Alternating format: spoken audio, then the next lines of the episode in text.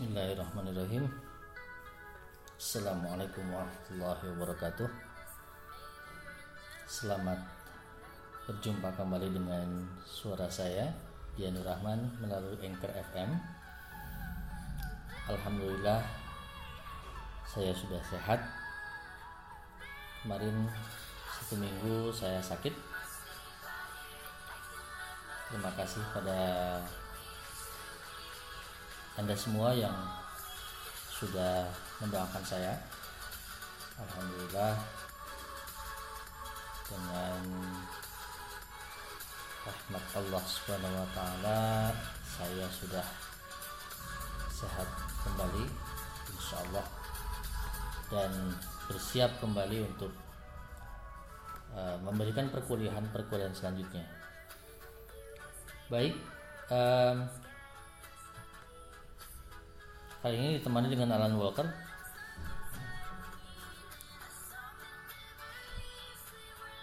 Uh, supaya lebih nyaman, Anda sudah pasti tahu semua dengan Alan Walker lagu-lagunya. Baik, saudara, uh, podcast episode kali ini saya khususkan untuk uh, mata kuliah critical theory terutama uh, masih dengan pembahasan kelanjutan pembahasan dari yang sudah kita bahas waktu pekan sebelumnya um, yaitu dengan topik leaders horizons and, and expectations yang diwakili oleh teksnya Hans Robert dan ini juga adalah excerpt uh, dari teks yang sangat panjang. Teks ini sebetulnya adalah uh, edisi revisi dari inaugural address-nya ya ketika dia dilantik menjadi seorang profesor dalam ilmu sastra ada judulnya adalah Literary History as a Challenge to Literary Theory Hans Robert Joost. Dan subtopik yang kedua tentang reader response adalah tentang the role of reader's experiences in the process of reading dan diwakili oleh Wolfgang Iser dengan judul teksnya dari The Process of Phenomenological Approach. Baik kita mulai. Uh, seperti biasa, uh, podcast saya selalu disandarkan pada slideshow yang sudah saya buat untuk penjelasan mata kuliah saya terutama dikaitkan juga dengan hasil-hasil pembahasan dari diskusi-diskusi kita. Dan bagi anda yang pembelajar critical theory yang sudah mendapatkan slideshow-nya silahkan dibuka. Slideshow pertama cover dari slideshow saya ada dominasi warna putih. Um, kemudian ada foto dua foto. Foto atas sebelah kiri adalah foto dari Hans Robert Joost. Dan foto sebelah kanannya adalah uh, Wolfgang Iser saya mengambil judul presentasi saya atau uh, podcast saya kali ini adalah reader response, perception aesthetics, expectations, transactions, interpretations. Um, saya se uh, sebelum ke slideshow yang berikutnya atau slideshow pertama penjelasan slideshow yang selanjutnya saya ingin menjelaskan dulu sedikit mengenai fenomenologi ya karena tidak dapat dipungkiri bahwa uh, gerakan dari reader response di Jerman yang lebih dikenal dengan uh, reception aesthetics atau kita menyebutnya dalam bahasa Indonesia estetika resepsi. Estetika resepsi atau kalau mau dipanjangkan mungkin menjadi penerimaan nilai estetika gitulah. Kalau di dalam bahasa Indonesia ya. Penerimaan nilai estetika. Dan dan itu dikaitkan dengan reader response dengan bagaimana pembaca itu mengkonstruksi nilai estetikanya sendiri. Nah seperti itu. Jadi uh, reader response yang berkembang di di di um, Amerika Serikat misalnya ada banyak sekali tokoh-tokoh uh, reader response di Amerika Serikat. Ada Louis Rosenblatt ada Stanley Fish ada William Wimsatt dan uh, Monroe Beardsley ya. Banyak sekali tokoh-tokoh reader response um, dan itu uh, adalah keterpengaruhan dari uh, estetika resepsinya Jerman. Makanya kemudian saya lebih memilih yang aslinya ya yang aslinya yaitu di Jerman tokoh Jermannya yaitu Hans Robert Jost sama Wolfgang Iser kalau anda perhatikan di cover slideshow saya ada tulisan berwarna merah di sebelah atas. Itu tulisannya dalam bahasa Jerman kutipan salah satu kutipan credo dari seorang tokoh filsuf uh, tokoh fenomenologi atau filsuf fenomenologi pencetus fenomenologi salah satunya yaitu Edmund Husserl. Dan kutipannya berbunyi seperti ini Curu Chuden Sachen Selbst. Curu Chuden Sachen Selbst. Kira-kira bunyinya seperti itu uh, saya sudah pernah belajar bahasa Jerman. Jadi sedikit uh, bisa untuk men, apa, mengucapkan teks dalam bahasa Jerman. Z itu dibaca C ya C.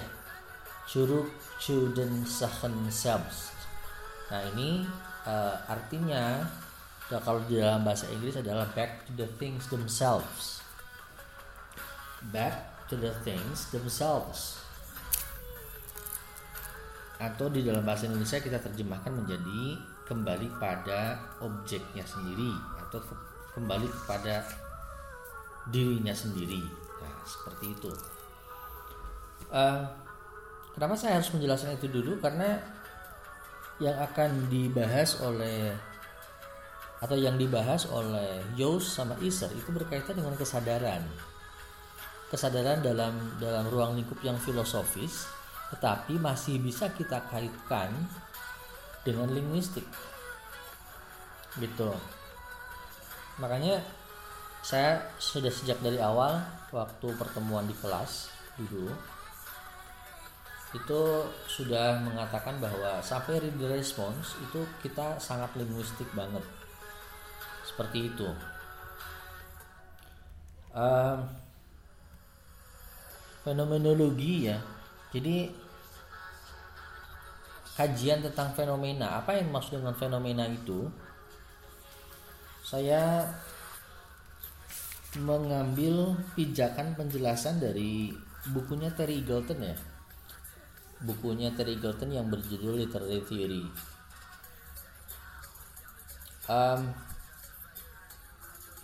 bahwa kita sebetulnya di dalam dunia ini, di dalam kehidupan kita, kita tidak bisa mengetahui apakah yang kita alami ini ilusi, kenyataan atau bukan gitu. Apakah yang kita lihat di sekeliling kita itu ilusi atau bukan, itu kenyataan, realitas atau bukan. Nah, begitu. Nah, yang kemudian menjadi penting adalah bahwa bagi Edmund Husserl bacanya Edmund Husserl. Nah, gitu ya. Um, although we cannot be sure of the independent existence of things we can be certain of how they appear to us immediately in consciousness whether the actual thing we are experiencing is an illusion or not. Nah itu um, walaupun kita tidak dapat secara pasti ya memastikan diri kita bahwa apakah yang kita alami ilusi atau kenyataan palsu atau nyata dan sebagainya. Tapi paling tidak kata Husserl kita bisa yakin tentang satu hal bahwa bagaimana satu hal itu nampak di dalam kesadaran itulah yang kemudian menjadi e, nyata menjadi penting. Itulah aktual. Itulah yang aktual yang kita alami. Nggak peduli itu ilusi atau atau bukan. So objects can be regarded not as things in themselves but as things posited or intended by consciousness. All consciousness is consciousness of something. In thinking i am aware that my thought is pointing towards some object the act of thinking and the object of thought are internally related, mutually dependent. Nah, um, saya menggarisbawahi kata-kata dari Terry Golden. The act of thinking and the object of thought are internally, internally related, mutually dependent. Um, ini uh, kalau bagi saya sangat berkaitan dengan apa yang sudah diungkapkan oleh Saussure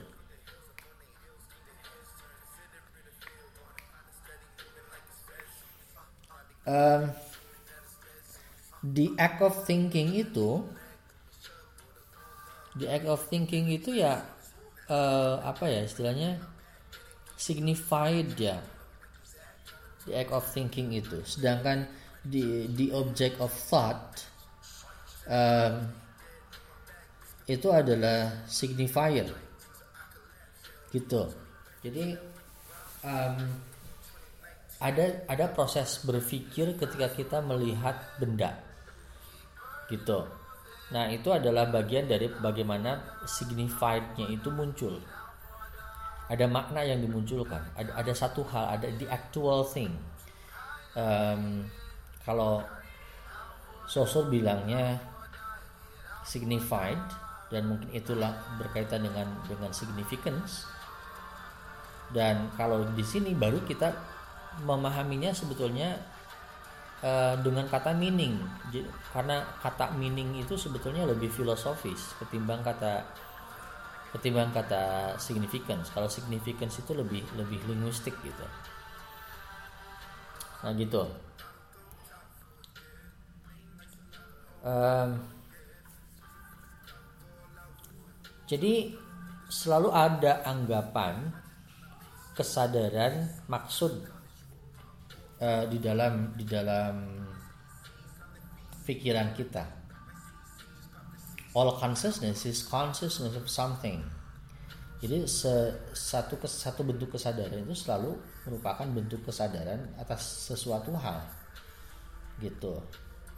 Jadi ketika kita berpikir, kita sadar bahwa pikiran kita itu menunjuk pada pointing towards some object menunjuk pada objek-objek tertentu.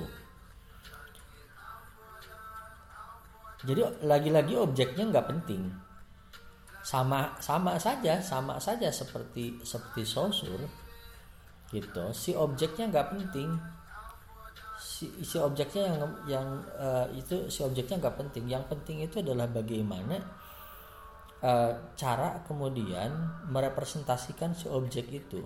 Cuma perbedaannya adalah kalau Saussure lebih menekankan bahwa cara me merepresentasikan itu lewat bahasa lewat kata-kata nah gitu loh ya lewat rang uh, signifier rangkaian huruf gitu loh kalau um, Edmund Husserl lebih menekankan pada bagaimana kesadarannya yang yang membentuk itu. Gitu loh. Itu uh, arti penting dari fenomenologi ya. Jadi yang dimaksud fenomenologi uh, kajian tentang fenomena bukan fenomena yang nampak sebetulnya. Tapi fenomena yang kita maksudkan di dalam kesadaran gitu Uh, my consciousness is not just a passive registration of the world, but actively constitutes or intends it. Nah, seperti itu. Jadi kita, kita memaksudkan gitu. Kita mengerangkakan. Uh, kita membuat membuat kurung. Jadi makna itu adalah sesuatu hal yang dimaksudkan oleh otak kita gitu, oleh kesadaran kita. Oleh oleh consciousness itu sendiri. Itulah makna. Nah, makanya dari dasar itulah yang kemudian dijadikan landasan awal bagi uh, para kritikus sastra reader response uh, estetika resepsi Hans Robert Jones sama Wolfgang Iser untuk dibawa uh, teori fenomenologi ini ke dalam kritik sastra di dalam cara membaca karya sastra. Karya sastranya dianggap sebagai satu bentuk fenomena yang kemudian dikonstruksi oleh kesadaran. Gitu. Jadi teori ini menghendaki adanya satu penerimaan atau satu respons terhadap sastra eh, berdasarkan pengalaman yang diproses melalui kesadaran pembaca. Nah, gitu. Uh, cuma berbeda halnya dengan fenomenologi yang aslinya yang Edwin Husserl yang yang yang ahistoris karena sifatnya ahistoris ya tuh uh, jadi si kesadaran itu dikurungin ya jadi put in brackets gitu. Jadi kalau kalau kita mau meyakini kebenaran suatu hal kebenaran akan satu hal satu fenomena maka kebenaran itu dikurungin di dalam kesadaran kita. Gitu. Nah uh, Yos itu mengembangkan. Jadi kalau kalau dikurungin katanya apa bedanya akhirnya si fenomenologi ini yang kemudian terjebak kembali ke dalam formalis makanya di bacaan di, uh, di awal banget itu kan sang uh, apa Yos itu betul-betul menjelaskan uh, kelemahan kelemahan dari uh, formalis dan marxis. In the question posed I see the challenge in literary studies of taking up once again the problem of literary history, which was left unresolved in the dispute between Marxist and formalist methods. My attempt to bridge the gap between literature and history, between historical and aesthetic approaches, begins at the point at which both schools stop. Nah, jadi tujuan utama dari reader response adalah bagaimana um, wah ini mulai hujan ini. Mudah-mudahan tidak terlalu terdengar di rekaman ini ya podcast episode ini. Mudah-mudahan Alan Walkernya yang lebih dominan. Baik kita lanjutkan saja. Nah di awal tulisan itu bukan di awal sih sebetulnya itu sudah sudah merupakan sudah bagian lima ya yang saya ambil itu uh, ada kelemahan dari Marxist dan formalist methods.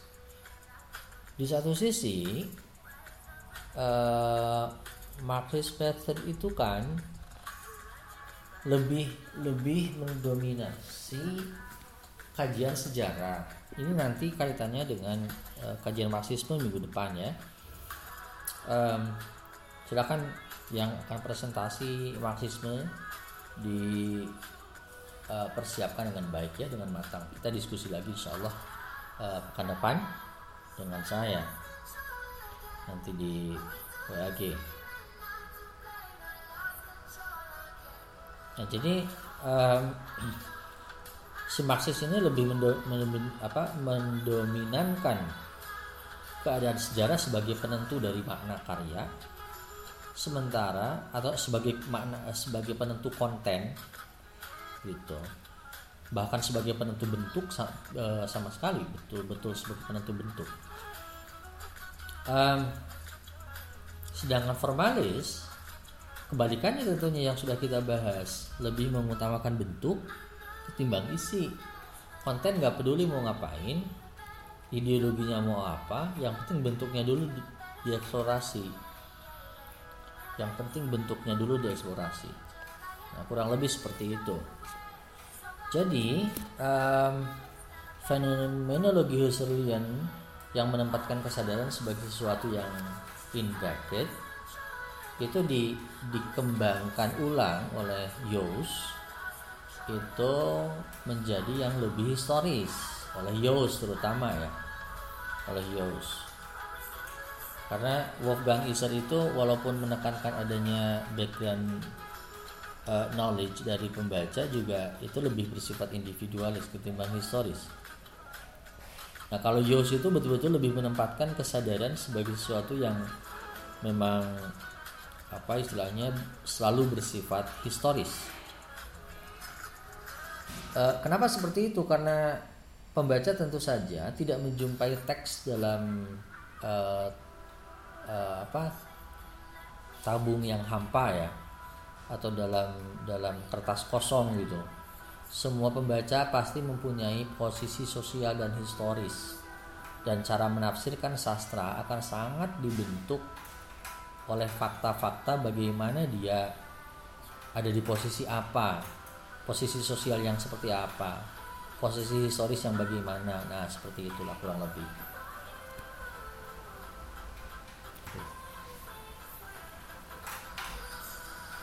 Hujan ya.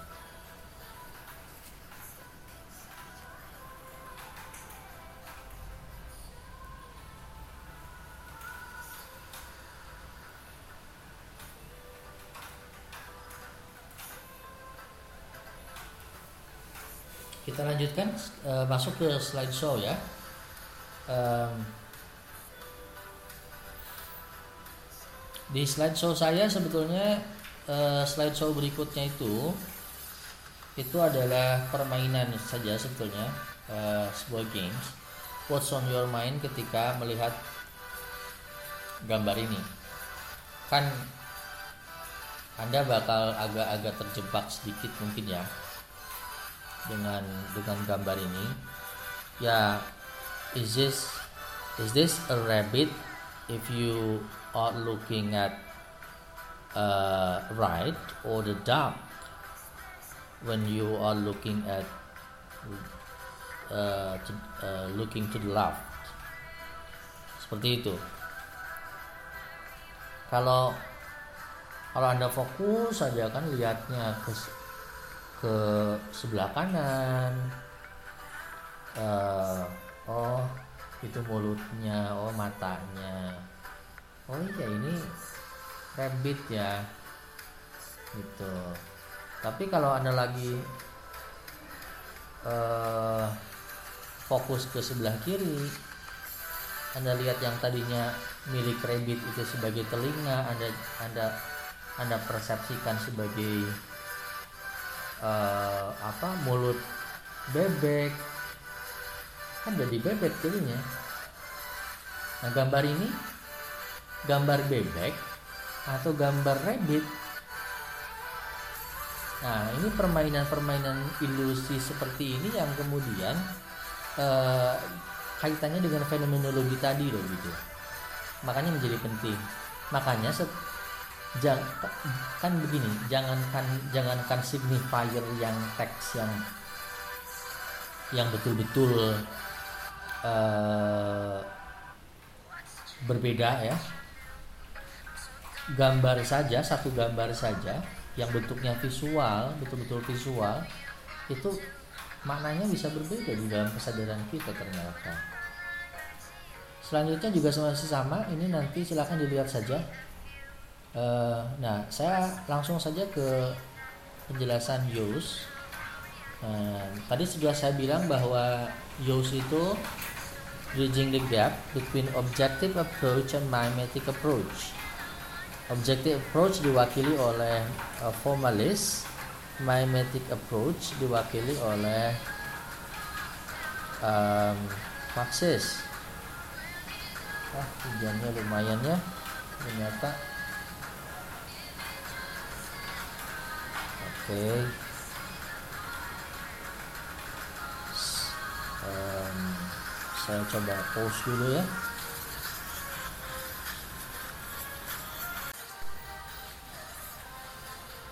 Kita lanjutkan. Baik. Um,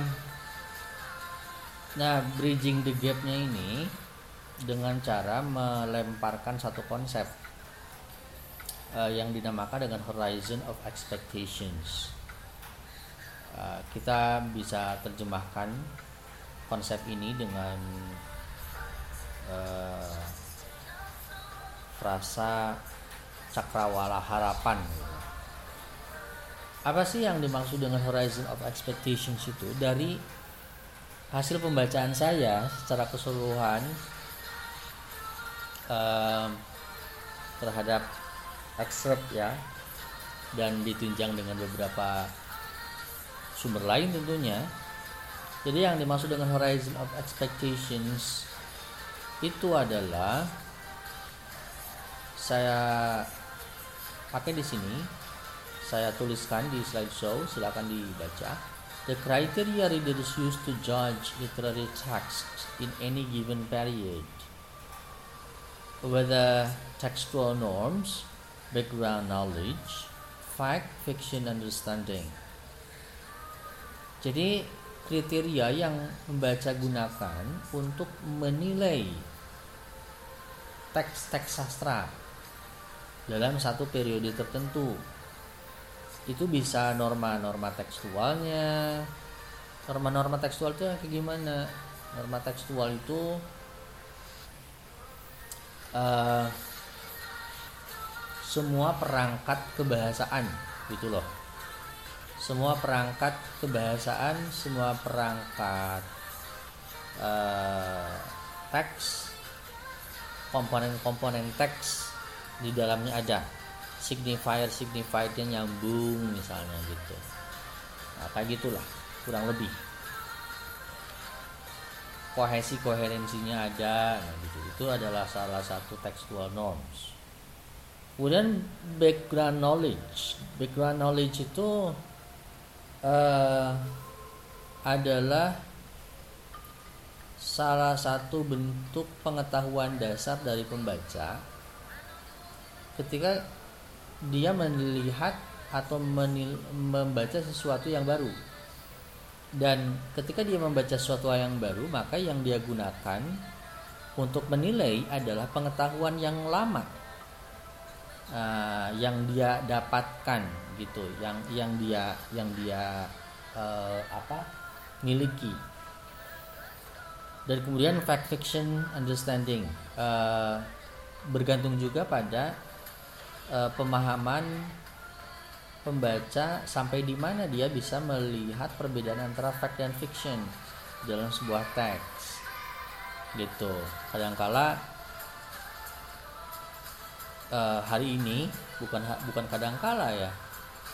Uh, bahkan hari ini yang seperti yang sudah saya sering berulang-ulang contohkan uh, mostly kebanyakan orang uh, di dunia ini masyarakat Indonesia misalnya terutama juga ketika membaca pesan berantai broadcast di, di, di, di WhatsApp misalnya WhatsApp broadcast itu kan dia tidak bisa membedakan banyaknya mereka tidak bisa membedakan fact fiction understanding ini. Apa yang apakah yang dia baca itu benar apakah yang dia baca itu cuma argumentasi seseorang belaka? Apakah yang dia baca itu cuma opini seseorang belaka? Apakah orang apakah itu cuma kerjaan iseng orang belaka? Itu kan banyak orang yang tidak sadar dengan itu gitu loh. Tidak sadar dengan itu. Sehingga seolah-olah langsung meng, meng, kemudian membenarkan atau lalu meng, apa memforward lagi ke banyak orang. Kan semakin viral dan ya seperti itu. Itu terkait dengan fact fiction understanding. Nah kalau uh, makanya kemudian itu akan menurunkan uh, textual norms background knowledge sama fact fiction understanding ini akan menurunkan satu bentuk rasa yang kita harapkan di dalam sebuah teks. Gitu loh kalau saya bertanya rasa itu ada di mana? Ayo. Ayo. Kira-kira rasa itu ada di mana saudara-saudara? Disimpannya rasa itu ada di mana? Kalian jawabnya ada di hati. Ya ada yang jawab di hati kan? Rasa rasa apa pun kalau kalau kalian kalau kalian e, kesandung jatuh e, kaki berdarah sakit kan? Nah sakit itu ada di mana? Rasa sakit itu ada di mana? Ada di kaki. Bukan saudara ya. Saya saya jelaskan sekarang kalau anda masih masih menganggap bahwa rasa sakit itu ada di kaki ya, ya salah sekali ya itu. Anda ke mana saja sampai mengatakan bahwa rasa sakit itu ada di kaki rasa sakit itu ada di ambang batas kepala kita loh eh, kesadaran kita loh gitu loh. Rasa sak semua rasa itu kan, itu kan disimpan di pikiran. Gitu. Masih ingat dengan penjelasan saya tentang real, fakta dan realitas? Gitu. Semua rasa itu adanya di pikiran saudara gitu ya. Makanya kalau anda membaca obat penurun panas sunmol misalnya atau apa pun eh, penurun panas dan pereda nyeri yang berisi paracetamol itu atau ibuprofen atau apa pun namanya anda akan membaca di farmakologi uh, paracetamol itu um, mampu menurunkan ambang batas rasa sakit cara bekerjanya gitu ya. Cara bekerjanya. Ambang batas rasa sakit yang ada di otak. Nah gitu loh. Jadi rasa sakit itu ada di otak saudara. Yang kesandung yang jatuh yang berdarah kaki tetapi sakitnya ada di otak. Gitu. Bukan bukan di kaki. Nah, seperti itu. Makanya uh, analogi horizon of expectations itu saya analogikan uh, seperti rasa rasa makanan yang akan kita makan. Itu the analogy of horizon of expectation is like the taste we expect from the food stuff we are going to eat. Uh, the foodstuff themselves then have their own taste, and therefore, if the reader can explain their taste to others, they that would be called as the substance aesthetics. Jadi begini analoginya. Andai kan Anda belum merasakan bakso bakso mana atau ya yang belum Anda rasakan ya yang belum Anda cicipi ya bas bakso oyen atau bakso mana lah terserah pokoknya bakso uh, bayangkan bakso yang paling enak pokoknya uh, saya kasih nama bakso ujang saja lah bakso ujang gitu. Nah si bakso ujang ini katanya enak banget. Nah kan sebelumnya anda sudah menyimpan rasa bakso ya?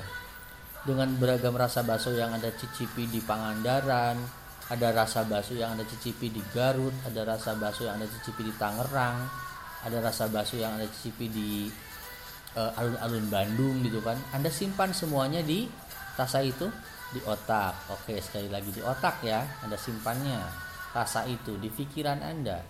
Lalu kemudian anda mendengar ada bakso ujang yang begitu enak banget katanya. Lalu anda menghadapi bakso ujang semangkuk bakso ujang di di depan anda Wah, Anda kan ada harapan nih ya. Wah, ini ini harus lebih enak dari rasa-rasa bakso yang sudah saya makan sebelumnya kan nah gitu dan ketika anda mulai makan cicip satu sendok kemudian dimakan makan sampai habis kemudian anda eh, apa sampai mengatakan ini enak banget nah berarti anda sudah menjadi pembaca gitu. Pembaca yang yang baik gitu. Tapi anda belum bisa menjadi pembaca historis. Anda belum anda belum sampai ke reception aesthetics anda baru baru menerima dulu. Gitu loh. Ketika anda bilang enak banget berarti semua referensi rasa yang anda simpan selama ini di rasa bakso ya selama ini anda simpan di otak anda itu kan kalah semua berarti. Nah dengan rasa bakso yang anda dapatkan di, di bakso ujang itu. Nah lalu kalau ingin sampai ke reception aesthetics itu seperti apa? Anda jelaskan ke orang lain ini rasa baksonya enaknya mie-nya seperti apa kekenyalan mie-nya begini, kemudian eh, komposisi garam sama eh, cukanya nggak berlebihan misalnya gitu kan. Kemudian untuk komposisi baksonya dagingnya kerasa tetapi juga tidak terlalu eh, apa eh, kenyal misalnya. Nah seperti itu. It, anda baru itu namanya reception aesthetics. Anda jelaskan ke orang lain. Gitu. Itu baru pembaca yang baik dan pembaca historis. Karena apa? Karena anda bisa menjelaskan ulang dan kemudian anda membedakan misalnya dengan e, bakso-bakso yang selama ini sudah anda rasakan. Kalau yang di bakso yang oyen misalnya si si baksonya itu begini tapi kalau baksonya bakso ujang baksonya begini Nah begitu. Mungkin para pembelajar yang comparative literature akan bertanya ini, gitu kan? Kalau gitu apa bedanya apa dengan dengan uh, literature? Ya reader response ini bagian dari salah satu metode untuk mengkomparasi sastra gitu loh gitu ya Saya nulis is also reception aesthetic is not a theory for analyzing the text.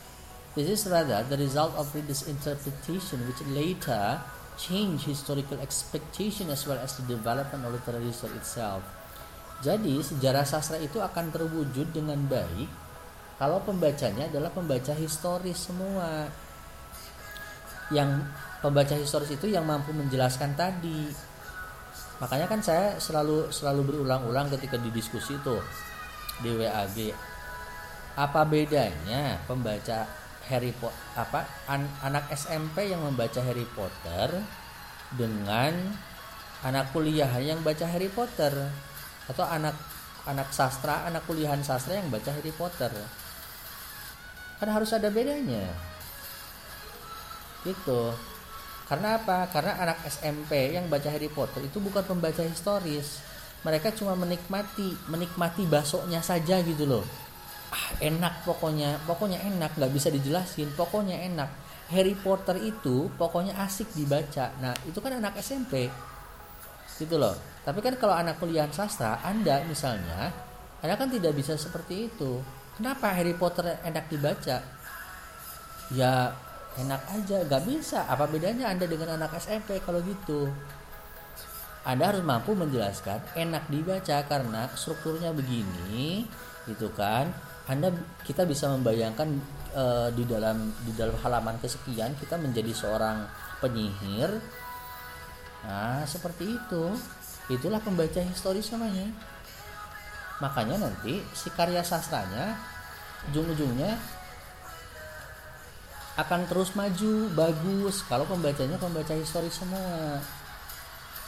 Jadi eh, bagaimana pembaca menentukan sejarah sastra itu bukan dari proses sejarah masyarakat yang sedang berlangsung seperti Marxis.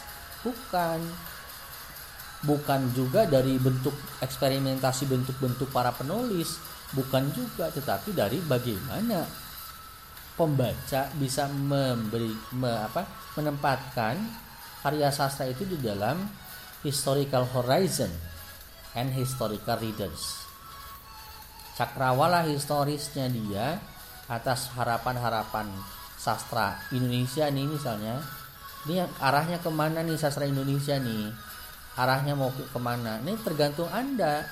Anda sebagai pembaca historisnya mau mau menentukannya ke mana anda menganggap karya sastra Dilan itu sebagai karya sastra yang tidak bermutu kenapa? Jelaskan dong. Gitu kan? Harus harus bisa dijelaskan. Jangan ah sampah ini poplit. Nggak bisa nggak bisa cuma begitu. Anda harus menjelaskan itu. Kenapa kenapa sampai tidak bermutu? Kenapa uh, karena tidak memenuhi cakrawala harapan saya. Ya cakrawala harapan yang seperti apa yang anda harapkan anda membaca historis harus anda munculkan cakrawala harapannya gitu. Nah kurang lebih itu ya dan itu juga yang disampaikan oleh saya di slide berikutnya. Gitu. Um, jadi text and literary traditions are themselves actively altered according to the various historical horizons within which they are received. Yang akhirnya uh, saya mencontohkan di beberapa kelas uh, diskusi kita waktu itu bahwa Shakespeare itu dulunya itu dianggap poplit saja, dianggap poplit. Um, remeh temeh saja lah hiburan rakyat gitu uh, Globe Theater itu adalah hiburan rakyat cuma atas pembacaan-pembacaan historis yang begitu ketat oleh para penikmat sastra yang berlangsung dari generasi ke generasi akhirnya menempatkan Shakespeare itu menjadi bagian dari tradisi kanon ya tradisi Hailit, tradisi sastra besar. Nah, kayak gitu, salah satu contohnya kayak gitulah. Itu kalau uh, dari perspektif Jaws. Nah sekarang kita masuki perspektifnya Wolfgang Iser. Wolfgang Iser ini penerimaan eh, penerimaan estetikanya itu lebih individualis ya ketimbang historis uh, dimulai dengan pengkajian atau pembahasan dari ada dua kutub ada dua kutub di dalam uh, karya sastra. Ada ini slide berikutnya ya silahkan dibuka. Ada artistic text dan ada aesthetic text. Artistic text itu adalah teks yang di yang dibuat oleh atau yang ditulis oleh author yang dibuat oleh author kesadaran yang diciptakan oleh author gitu loh uh, kurang lebihnya kalau dari perspektif fenomenologisnya ya. Kemudian yang kedua adalah aesthetic text. Itu adalah teks atau kesadaran kesadaran tekstual yang diciptakan oleh pembaca. Nah, dua kutub ini kemudian eh, yang mana yang lebih dominan itu tergantung dari seberapa jauh pembaca menerapkan eh, proses membaca yang betul berdasarkan perspektif fenomenologi atau pendekatan fenomenologi. Dimulai dengan bagaimana seberapa pintar, seberapa bisa kita membuat skemata. Nah ini eh, di kalau anda punya teman di pendidikan bahasa Inggris atau pendidikan bahasa lah. Eh, di dalam pembelajaran dan pengajaran reading itu selalu belajar tentang skemata.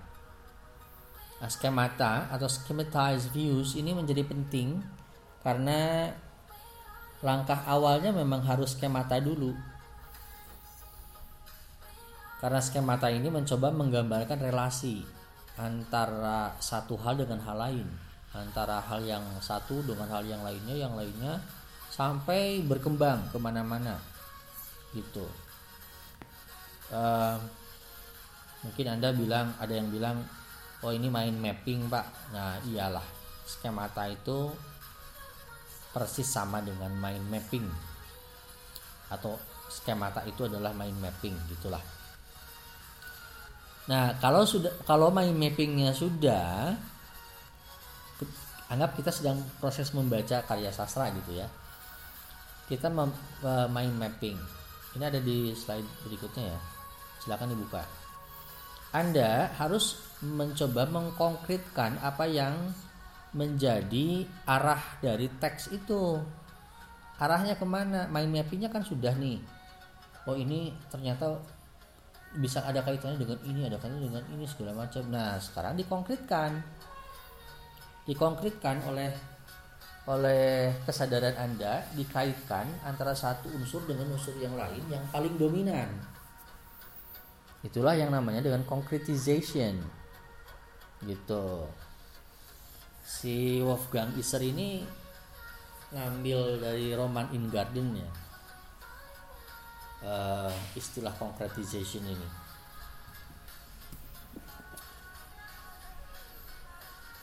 Concretized Nah, gitu. Baru kalau Anda sudah mencoba mengkonkretkan ini ke mana arahnya sebetulnya dari sekian banyak skemata yang sudah dibuat uh, lalu kemudian anda membuat jalur gitu ya membuat jalur itulah yang namanya concretization. Gitu loh ya karena ini hanya audio jadi saya tidak bisa berbuat banyak untuk memberikan contoh visual ya. Um, nah kalau uh, perkawinan antara schematized view sama concretization itu ba baru kemudian akan melahirkan virtual dimension. Nah, virtual dimension inilah uh, menjadi uh, titik akhir ya, titik akhir dari proses membaca gitu.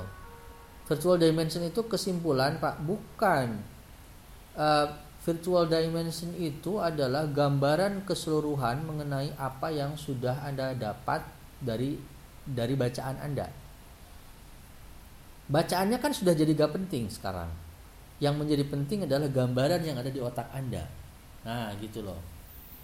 Kesan yang muncul di otak Anda secara keseluruhan, Anda bisa rangkaikan melalui tulisan kembali kan? Nah itulah virtual dimension. Anda bisa ungkapkan kembali. Itulah virtual dimension. Ketika Anda bisa mengungkapkan rasa baso yang tadi, itulah virtual dimension Anda gitu. Nah gitu loh. Jadi uh, si virtual dimension ini adalah istilah lain dari pencapaian horizon of expectationnya YOS. Nah, mirip-mirip lah dan di slide berikutnya saya men, apa, menulis ini terkait dengan anticipation and retrospection. The activity of reading includes anticipation and retrospection. Lalu kemudian uh, ada hiatus, made the unexpected twist and turns in the process of reading dan kemudian ada the existing stock of experience covers the gaps and fulfills the blank codes. Dan jadi begini saudara-saudara, bagi Iser secara umum ya, bagi Iser um, teks itu selalu akan ada yang bolong, selalu akan ada yang ditinggalkan oleh penulisnya secara sengaja loh gitu, untuk ditangkap maknanya oleh pembaca. Nah itu yang dinamakan dengan hiatus. Makanya proses e, pembacaannya harus melalui anticipation dan retrospection. Anticipation itu adalah bagaimana kesadaran Anda itu menciptakan ragam bentuk e, apa foreshadowing lah semacam gitu ya terkait dengan uh, aktivitas seorang tokoh misalnya perjalanan seorang tokoh di dalam novel yang anda baca. Nah ketika anda baru sampai misalnya halaman uh, apa 39 misalnya wah kira-kira nih di halaman 150 ini ada apa nih ya? Itu anda uh, apa membayangkan segala macam hal itu anticipation. Nah seperti itu nah ketika kemudian anda sudah sampai halaman 150 nih dan anda me mencoba me me merelasikan lagi um, apa uh, dengan keadaan yang sebelumnya itu namanya retrospection. Gitu.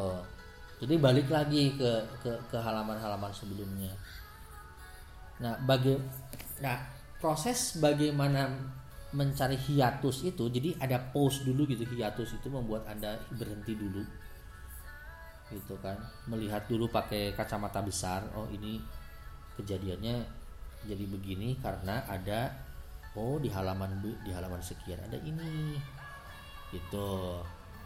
Nah sisi-sisi itulah yang kemudian uh, tergantung pada the existing stock of experience. Yang yang tadi Yo sebut sebagai background knowledge. Nah gitu loh. Jadi bagaimana kita memenuhi me, me, apa memenuhi gaps uh, dan kode-kode yang kosong itu dari penulis yang ditinggalkan secara sengaja oleh penulis. Nah, kurang lebih seperti itu. Itu untuk Iser.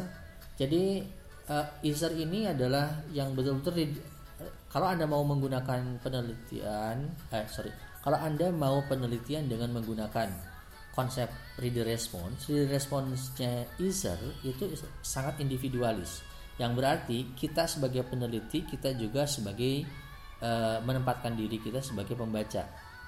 Tapi kalau kita mau menggunakan kalau kita mau penelitian dengan menggunakan uh, reader response-nya ala Yoast, maka kita menempatkan diri kita bukan sebagai pembaca, tapi kita meneliti respon pembaca, respon-respon orang lain, bagaimana kemudian respon apakah respon-respon itu masuk ke dalam kategori historical readers atau tidak? Gitu. Apakah nanti ke, memajukan tradisi kesejarahan sastra atau tidak dengan respon-responnya itu? Apakah cakrawala harapannya terpenuhi atau tidak? Memangnya standar estetika hari ini masyarakat itu pengennya yang kayak gimana? Nah kayak gitu. Itu untuk uh, Yos ya kurang lebih seperti itu. Terima kasih. Kayaknya sudah lama juga ini uh, podcast saya. Saya mencantumkan terakhir di situ ada uh, satu teks tapi susah ya kalau saya kalau ini tidak visual. Ini sebetulnya teksnya diambil dari uh, kalimat uh, sorry narasi awalnya Pride and Prejudice uh, Jane Austen. Uh, inginnya saya menjelaskan ini uh, tapi ini harus interaktif ya dengan anda jadi susah juga. Gitu terakhir uh, ya saya kutipkan kembali curug cudun saken selves that objects can be regarded not as things in themselves, but as things posited or intended by consciousness. Jadi, kesadaran kita menentukan segalanya. Kesadaran kita atas satu benda, satu objek, satu rangkaian teks, satu rangkaian bahasa menentukan seperti apa pemikiran kita selanjutnya. Baik, itu saja terima kasih. Episode podcast saya untuk penjelasan reader response. Nantikan episode podcast saya selanjutnya untuk penjelasan uh, Marxism. Ini akan sangat menarik Marxism. Setelah tentunya pekan depan kita berjumpa kembali di WAG dengan diskusi-diskusi kita yang hangat, menghibur, sangat seru dan terkadang memang panas juga. Sekali lagi terima kasih. Terima kasih atas perhatian Anda. Stay safe, tetap sehat ya. Alhamdulillah saya juga sudah sehat. stay safe dari semua tidak hanya corona tidak hanya covid 19 stay safe dari apa pun dari penyakit apa pun lah ya harus sehat semuanya mohon maaf atas segala kurangannya assalamualaikum warahmatullahi wabarakatuh